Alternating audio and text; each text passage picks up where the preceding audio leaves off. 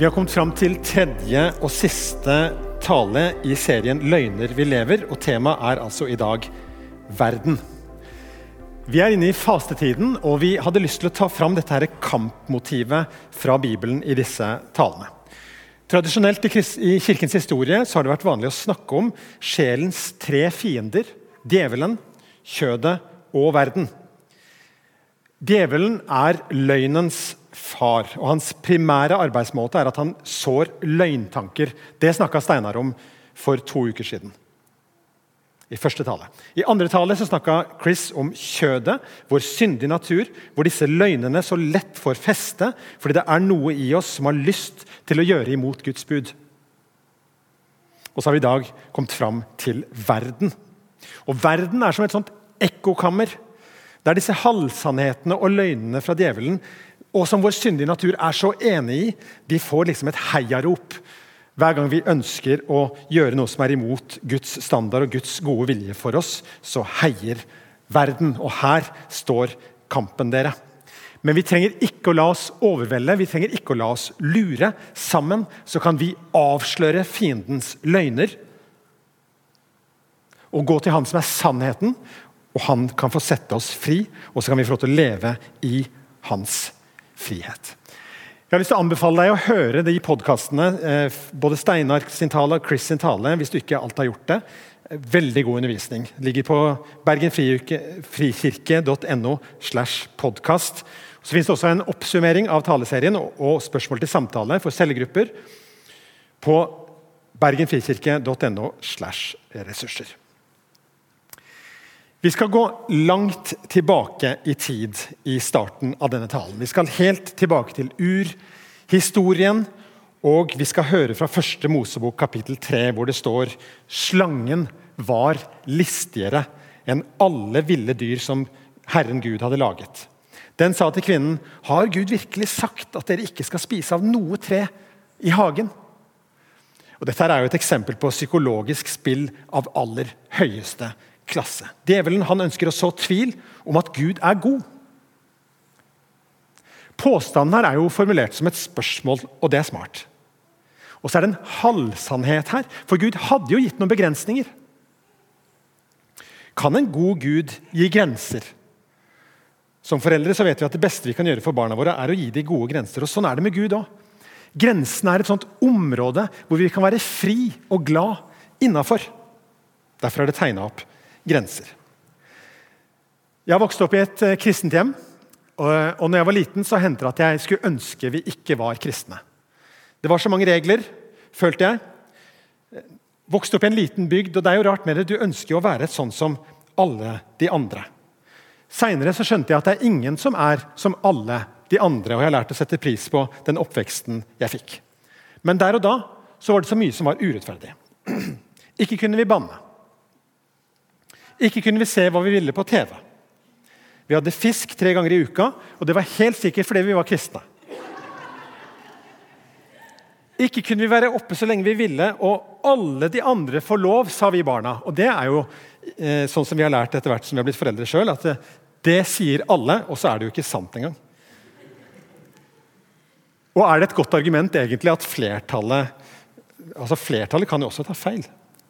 Har Gud virkelig sagt at dere ikke skal spise av noe tre i hagen, er en snedig formulering. For det var jo ikke det Gud hadde sagt, var det det? De kunne fritt spise av trærne i hagen, men det var ett tre som sto midt i hagen, som de ikke kunne spise av. Men samtalen er i gang. Forhandlingene er i gang, og den sleipe slangen får det sånn som han vil. og Det er ikke uten grunn at det sies at hvis du gir djevelen lillefingeren, så får han snart hele hånda. Det endte som vi kjenner til med syndefallet. Adam og Eva ble forvist fra hagen. Og Fortsatt i 2022 så ringer denne formuleringen 'Har Gud virkelig sagt' i ørene våre. Og Det er ingen av oss som kommer unna den sånn dyp tvil som sier 'Er Gud virkelig god?' Er det helt sikkert at de grensene han har satt for oss, er de beste for oss? Kan det være at det er noe annet som egentlig er bedre?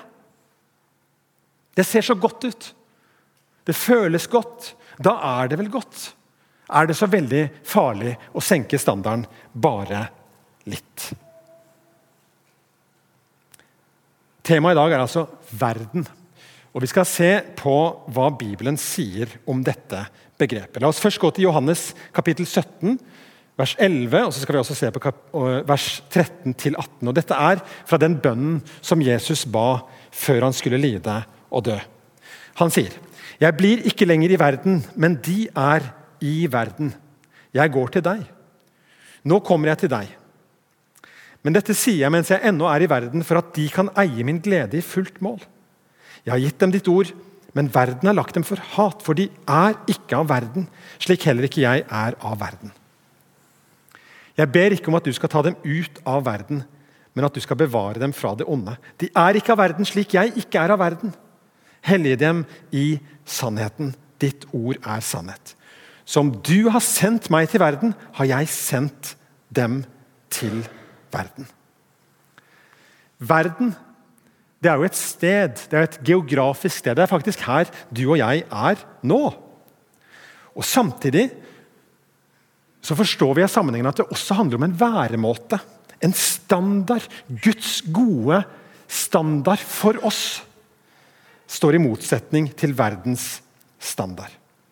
Jesus var sendt til verden geografisk, men han var ikke av verden. Levemåte, væremåte. Jesus lot seg ikke prege av en vantro verden rundt seg eller av en ugudelig kultur dressa opp i religiøsitet. Han ble frista, men han synda ikke. Jesus levde helt og fullt opp til den gode standarden som Gud hadde for hans liv, og som han har for vårt liv. Men Jesus flykta ikke fra verden. Han var jo sendt til den, så han engasjerte seg i den. Han ble kalt for en storeter og vindrikker. Eller kanskje det var døperen Johannes som ble det. Men Jesus gikk på fest med tollere.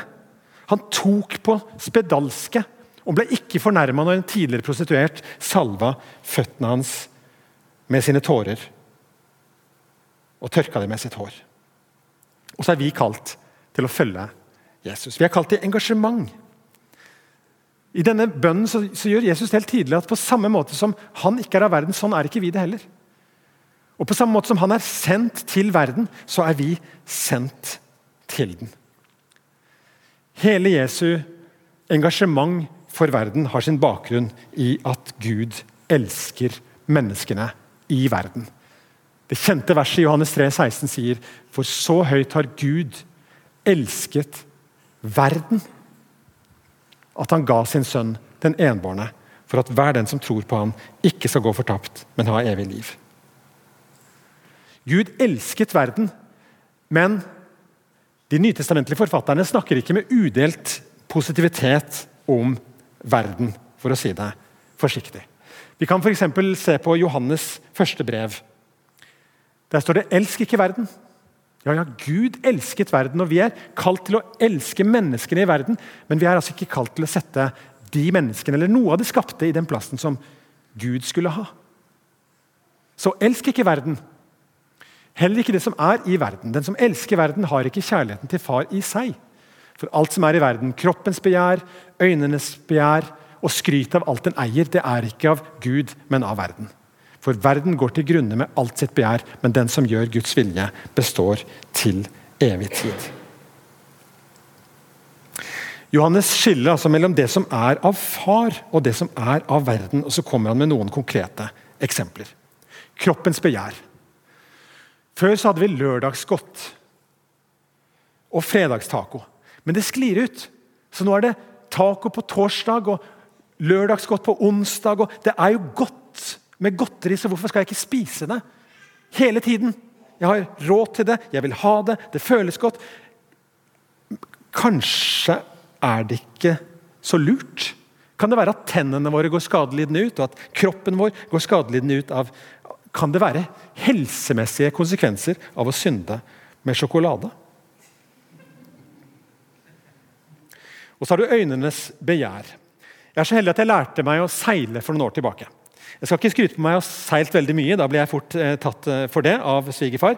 Men jeg eh, lærte et begrep og det er trefotsyken. Eller som svigerfar ville sagt det, trefotsyka. Og Det handler altså ikke om trefot, men det handler om at når du har en båt og eier en båt som er 21 fot stor, og du ser en båt med øynenes begjær som er 24 fot, så tenker du det var den vi skulle hatt. vet du. Og Så selger du den båten som, eh, som, er 21 fot, og så kjøper du den båten som er 24 fot. Og Så legger du deg til i, i kaien og så begynner du liksom å, å forberede en seiltur. så Ikke før du har lagt deg inn i kaien, så kommer det seilende en båt som er 27 fot. Det var den vi skulle hatt. vet du. Det kalles trefotsyken. Og, og jeg har ikke seilbåt. Hadde jeg hatt seilbåt, så skulle jeg ikke sagt det til dere. for at det, Skryt av alt en eier, det er ikke av Gud, men av verden. Det er helt umusikalsk for en pastor å eie og skryte av. Eh, men du og jeg, folkens, vi er rike. Vi er rike i denne verden. og Paulus sier i 1. Timoteus brev kapittel 6 at si til de som er rike i verden, at de ikke skal sette sin lit til den usikre rikdommen. Men si at de skal få lov til å nyte det. De skal få lov til å nyte det. Det er Guds gode gaver, men vær raus og vær gavmild. Så det er et ord til oss alle sammen, om vi har seilbåt eller ikke. Ingen fordømmelse for den som er i Kristus Jesus. Men altså, det som Bibelen kaller verden, det er en standard som står i motsetning til Guds standard. Det er et geografisk sted, det er her. Et sted vi ikke skal flykte fra. Gud elsket verden. Og Jesus ble sendt til verden med et oppdrag, og vi er sendt til verden. Så la oss ikke flykte, dere. Jesus ber sin far om at han ikke skal ta oss ut av verden, men at vi skal bli bevart fra det onde. Det er hans bønn til oss. I verden, men ikke av den. Det er nesten som en klisjé. Vi sier det så ofte. I verden, men ikke av den. Ofte tenker jeg at det, noen ganger er det motsatt. At vi er helt kliss rike på denne verden. Men vi er ikke i den. Vi har trukket oss tilbake til våre trygge kristne bobler. Sånn skulle det ikke være. Og sånn var det heller ikke i starten. Nå skal jeg lese til dere et sitat fra noe som heter 'Brevet til Diognet'. Du har kanskje hørt det før. Men mot slutten av år 100, eller starten på år 200 så ble følgende skrevet om de kristne. Det som skiller de kristne fra andre mennesker, er verken fedreland, språk eller skikker. De bor ikke i egne byer og taler ikke fremmede tungemål. I sin daglige tilværelse avviker de ikke fra andre. De lever blant grekere og barbarer, slik det falt seg for den enkelte. De følger stedets skikk med hensyn til klær og mat og atferd for øvrig, og likevel er deres vandel slik at den vekker alminnelig undring og beundring. Ser du? De er verden, men ikke av den. De bor i sine land, men som utlendinger. De tar del i alt som borgere, men må finne seg i alt som om de var fremmede. Ethvert fremmed land er for dem et fedreland, ethvert fedreland et fremmed land. De gifter seg som andre og får barn, men setter ikke ut sitt avkom. De deler bord, men ikke ekteseng med andre. De er i kjødet, men de lever ikke etter kjødet. De bor på jorden, men har sitt hjem i himmelen. De adlyder de gjeldende lover, men gjør dem overflødige gjennom sin livsførsel. De elsker alle og blir forfulgt av alle. Man kjenner dem ikke, og allikevel fordømmer man dem. Så langt brevet til Diognet. Nå er det klart at Faren ved å begynne å snakke om en sånn etisk standard, som er Guds standard, og som er hans gode vilje for våre liv, Faren med å begynne å snakke om en sånn etisk standard som er der oppe, det er jo at vi kan begynne å tenke at kristen tro det handler om en hel rekke ting vi skal ikke gjøre eller gjøre. Sånn som jeg tenkte når jeg var liten.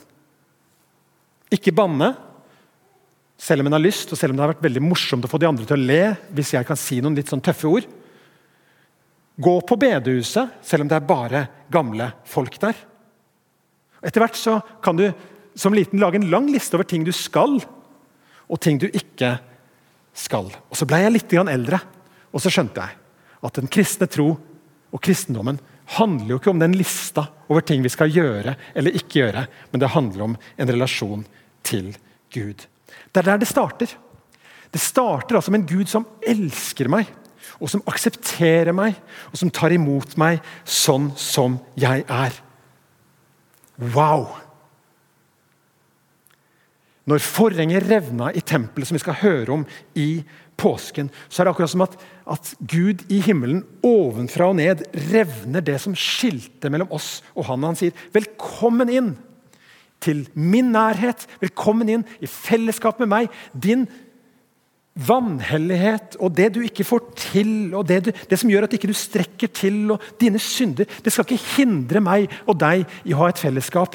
Kom helt inn i min nærhet. Det sier Gud. Det var jo derfor Jesus døde på korset, fordi vi har synd. Fordi vi har tilkortkommenhet. Fordi vi er uhellige i vår ferd. Og ikke klarer å leve opp til Guds standard. Nei, Vi klarer jo ikke å leve opp til vår egen standard engang, eller den standard som naboen har, og som vi mener egentlig at vi burde leve opp til. Feiler. Det var derfor Jesus kom. Det er påskens budskap, og det er Bibelens budskap. Jesus betalte prisen for at du og jeg skulle få komme helt inn til Gud. Og så er det altså sånn at For de som starter denne relasjonen med Gud, så inviterer Jesus oss inn i en ny visjon for menneskeheten. En ny visjon, en Guds rike-visjon, hvor ting er annerledes. Og skal være annerledes enn verden, den kulturen vi er en del av. Og så er det ikke noe jeg gjør fordi at Gud skal være fornøyd med meg, men for å si det litt platt, fordi at jeg er så fornøyd med Gud.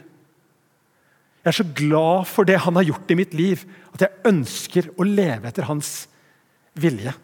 Det er jo ikke sånn når jeg gifter meg heller, at jeg får en lang liste med ting jeg skal gjøre. og lang ting, liste med ting jeg ikke skal gjøre. Jo da, det er litt sånn, Men det er ikke det som gjør at jeg gifter meg. At ja, jeg vil, Den lista er attraktiv, så jeg går inn i den lista og så vil jeg leve sånn. Nei, Det handler om en relasjon. Og så Etter hvert som samlivet tumler av gårde, så blir vi enige om at eh, oppvasken kan få lov til å stå og renne av hvis vi bare tørker av smulene på bordet. Greit. Den må ikke tørkes og puttes i hyllene. Vi noen, vi finner ut av det med hvilke regler som er. Men det er ikke de reglene som er det styrende og førende og det attraktive og det som gjør at man går inn i et forhold. Og Sånn er det jo ikke med den kristne tro heller. Det starter med hans kjærlighet. Og Så skal jeg si noe nå om verden. Og Jeg skal si noe nå om den kulturen vi er en del av. Kanskje setter jeg ting litt på spissen, men bær over med meg. Jeg håper at jeg kan få fram noen poeng. Denne verden dere, den er et ganske brutalt sted noen ganger. Vi mennesker kan være ganske kyniske. Du trenger ikke å åpne avisen lenge, eller lese lenge i avisen før du ser at det er sånn det er. Brutalt og kynisk. Men vi er skapt for noe annet. Vi er skapt for å leve i rause fellesskap med hverandre. Vet du hva? Vi mennesker vi trenger litt kjærlighet. Vi trenger litt tilgivelse. Og Den har vi fått, og den skal vi gi videre til de andre. Og vi skal tilgi også oss selv. Det er det vi er skapt til. Verden handler i det store bildet om å karre til seg. En venn av meg han sa det sånn at eh, livet er en konkurranse. Den som har mest når han dør, han har vunnet. Og Det er akkurat like absurd som det høres ut. Kristendommen sitt budskap den handler om at du har fått, og derfor vil du gi. Verden handler om meg og mitt. I et univers der Gud ikke finnes, så må jeg selvfølgelig tenke på meg sjøl. Ingen andre tenker på meg, så jeg må jo tenke på meg. Mens kristen tro handler om at de andre skal ha det bra. Elsk din neste som deg selv, sier Jesus. I verden så er det sånn at hvis du dummer deg ut, og gjør noe ganske galt og ganske alvorlig, så mister du all ære. Du blir cancelled, du blir avfølga, du blir hengt ut i sosiale medier, og du blir utestengt fra det gode selskap for alltid. Kristendommen tilbyr aksept og kjærlighet til oss som ikke har fortjent det. Denne verden vet ikke hva den skal tenke om synd. Den er schizofren i hva den skal tenke om synd.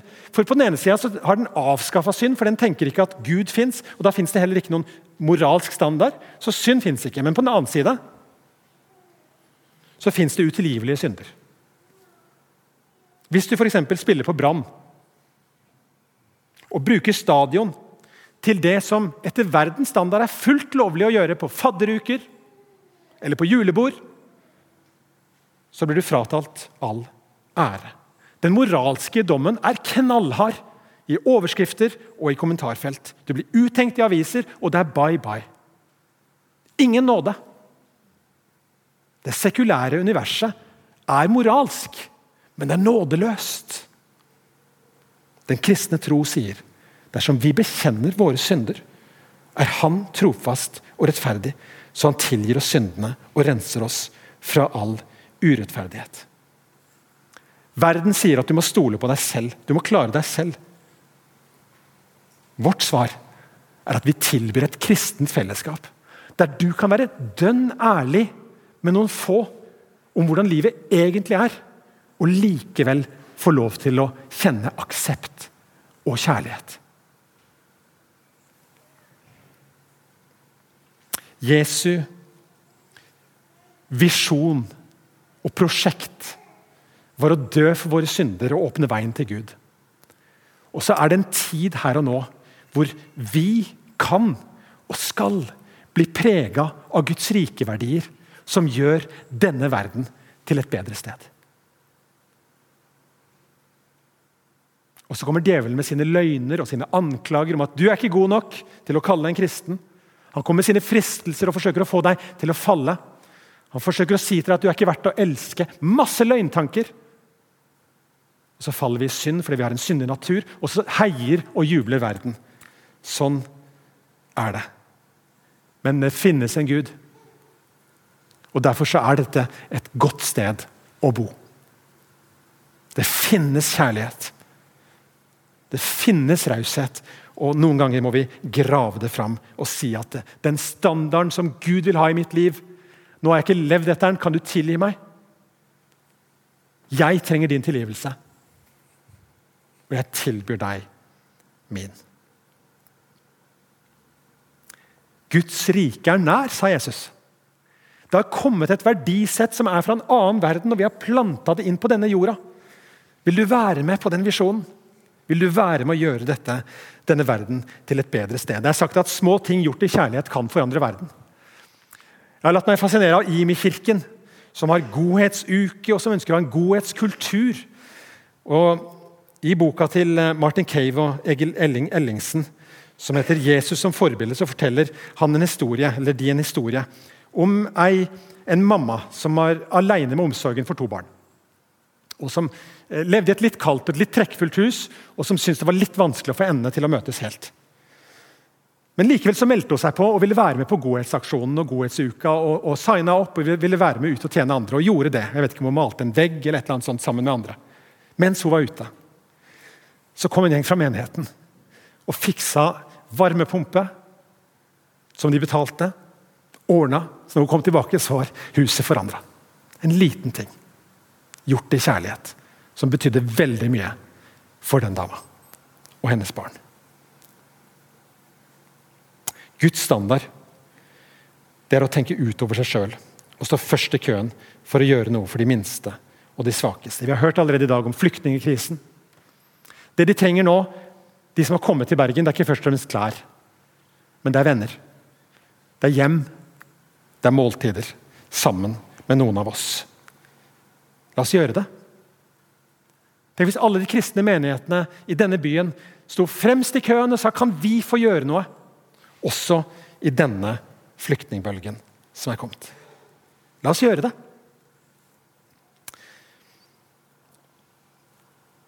Og så er det noen ganger vi må gjøre dramatiske valg. og Jeg skal avslutte med en sterk historie nå. Som handler om ei venninne av meg og Toril. Det begynte så fint. Hun og mannen venta barn nummer to.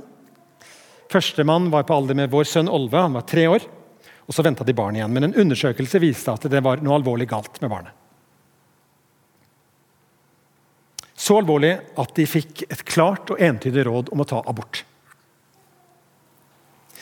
Men som venninna vår sa, hvordan kunne jeg sette dødsdatoen for mitt eget barn? Kunne ikke det. Så de sa vi, vi bærer dette barnet fram. Vi får ta det som kommer. For hver undersøkelse så, så sa legen dette her kommer ikke til å gå bra. Dette barnet kommer ikke til å leve. Det var en veldig, veldig alvorlig diagnose. Men vi respekterer deres valg. Er det noe vi kan gjøre for dere? Så svarte hun ja. Det som, det som, du kunne gjøre for oss, er å sette oss i kontakt med andre som er i samme situasjon som oss. Som har et barn som ikke kommer til å leve, men som de likevel velger å føde. Så så legen på henne og sa han, jeg vet ikke om noen andre. I denne tiden så opplevde vår venninne så sterkt Guds nærvær. Og menighetens støtte. Er det noe vi kan gjøre for dere? For å gjøre din hverdag litt lettere. Kan vi bake noe? Kan vi stille opp for dere? Forbønn og støtte. Og Så nærmer det seg slutten av svangerskapet. Så kjente Toril på at eh, vet du hva?